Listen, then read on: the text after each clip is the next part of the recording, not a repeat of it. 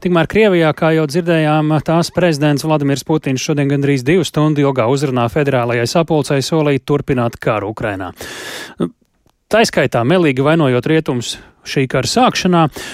Putina, uzrunā Putins atkārtoja vairāk uh, kārt pat uh, uz uh, un norādīja uz it kā pastāvošajiem rietuma nebeidzamajiem draudiem Krievijai daudzu gadu garumā. Tāpat viņš paziņoja, ka Krievija aptur savu dalību strateģiskā bruņojuma samazināšanas līgumā ar ASV uz Putina izteikumiem jau kā uz absurdiem ir tos novērtējuši gan ASV, gan Ukrainas amatpersonas un plašāk stāsta Rihards Plūme.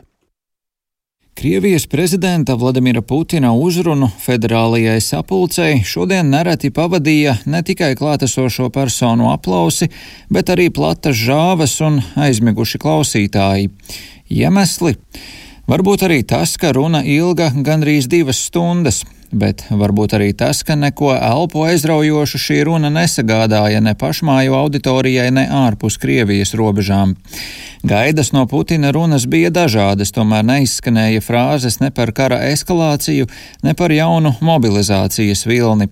Saprotams, ka runas laikā Putins nerunāja arī par neveiksmēm karā, lai gan sākumā viņš atzina, ka šobrīd pienākuši sarežģīti laiki, par pamatu tam esot nevis pašas Krievijas darbības, bet gan rietumi. Tieši tie esot uzsākuši karu un Krievija tikai cenšoties to izbeigt.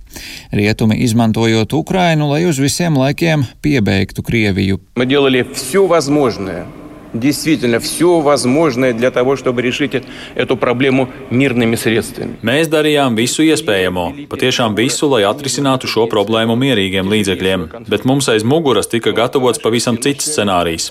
NATO pie mūsu robežām izvērsa armijas bāzes, slepenās biolaboratorijas un gatavoja vietu turpmākām kara darbībām, gatavojot Ukrainu lielam karam. Pēc Putina teiktā rietumi it kā sējot dezinformāciju Krievijā un un ar savām vērtībām cenšoties saindēt Krieviju. Putins klātesošajiem solīja, ka Krievija soli pa solim rūpīgi un sistemātiski atrisināšot uzdevumus, ar kuriem tā saskaras.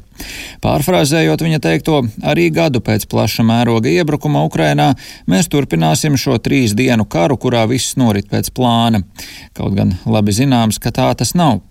Putins arī lepojās ar it kā spēcīgo Krievijas ekonomikas noturīgumu. Sankcijas esot vien tāds nieks, un galu galā Krievijai jau sen vajadzējis veikt reformas ekonomikā. Tiesa tagad tā esot nepieciešamība, nevis kā iepriekš vajadzība. Ekonomikai tika pievērsta liela uzmanība, kas varētu liecināt par to, ka Kremlis gatavojas ilgstošam karam. Как я уже сказал, Запад развернул против нас не только военный, информационный, но и экономический фронт. Rietumi pret mums izvērsa ne tikai kara informācijas, bet arī ekonomikas fronti, bet neko nesasniedza un nesasniegs. И не добьется. Более того, инициаторы санкций наказывают сами себя. Vēl jau vairāk sankciju iniciatori soda paši sevi. Atkārtošu, pretkrieviskās sankcijas ir tikai līdzeklis, bet mērķis, kā deklarē paši rietumu līderi, piespiest mūsu pilsoņus ciest. Visbeidzot, Kremļa saimnieks paziņoja, ka Krievija aptur savu dalību Krievijas un ASV noslēgtajā strateģiskā bruņojuma samazināšanas līgumā, jeb saīsinājumā START līgumā. Šeit gan jāuzsver, ka Krievija no līguma neizstājas. Pirms 13 gadiem abu pušu parakstītais līgums paredz abu valstu kodola arsenāla ierobežošanu. Reakcija pēc Putina uzrunas jau sekojusi gan no ASV, gan Ukrainas. Piemēram, Ukrainas prezidenta biroja vadītāja padomnieks Mihailo Podaļaks izteicies, ka Putins uzrunā publiski demonstrēja savu neaktualitāti un apjukumu, kā arī būtībā atzinis, ka Krievija atrodas strupceļā. Tikmēr Baltā nama Nacionālās drošības padomnieks Džeks Salivans norādīja, ka Putina apgalvojumi par to, ka rietumu draudi bijuši par iemeslu un attaisnojumu uzsākt karu Ukrainā, esot absurdi. Rihards Plūme, Latvijas radio. Analizēsim šīs dienas eh, notikumus, gaidāmās un jau notikušās uzrunas Saimas Eiropas lietu komisijas vadītājs Rīgas Stradiņa universitātes profesors Andris Prots pievienojas uz īsu sarunu. Labdien! Labdien! Nu, Putina runā, ko mēs dzirdējām, meli par to, kurš sāka karu Ukrainā, paziņojums, ka Krievija aptur savu līdzdalību strateģisko uzbrukumu ieroču samazināšanas līgumā ar ASV, arī gari teksti par to, ka Krievijas ekonomika lieliski tiekot galā ar izaicinājumiem. Kāds būtu jūsu rezumējums par dzirdēto?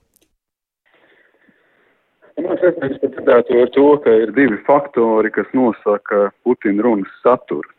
Viens ir neveiksmīgais karš Ukrainā un otrs ir prezidenta vēlēšanas 2024. gadā, uz, kurie, uz ko šobrīd jau nav variantu. Putinam vienkārši ir jāērta savādāk, nu, te viņš riskē, ar kā saka, pats savu uh, gan politisko, gan fizisko, teiksim tā, nu, tālāko karjeru, ja tā drīkst izteikties. Un faktiski tas nozīmē, ka arī atbildot uz šiem diviem jautājumiem, nu, tā ir klasika, ka no vienas puses, protams, ka neveiksmīgais karš var tikt vienmēr pamatots to, ka nu, Krievija jau nekur nevarēja likties, viņai bija jākaro, jo, uh, principā, viņa tika apdraudēta un pret Krieviju vērsusies visa uh, agresīvā rietumu pasaule un uh, paņēmusi par ķilniekiem Ukrainas tautu un savukārt ielikusi režīmu tādu, kas, protams, absolūti vēlās apdraudēt Krieviju.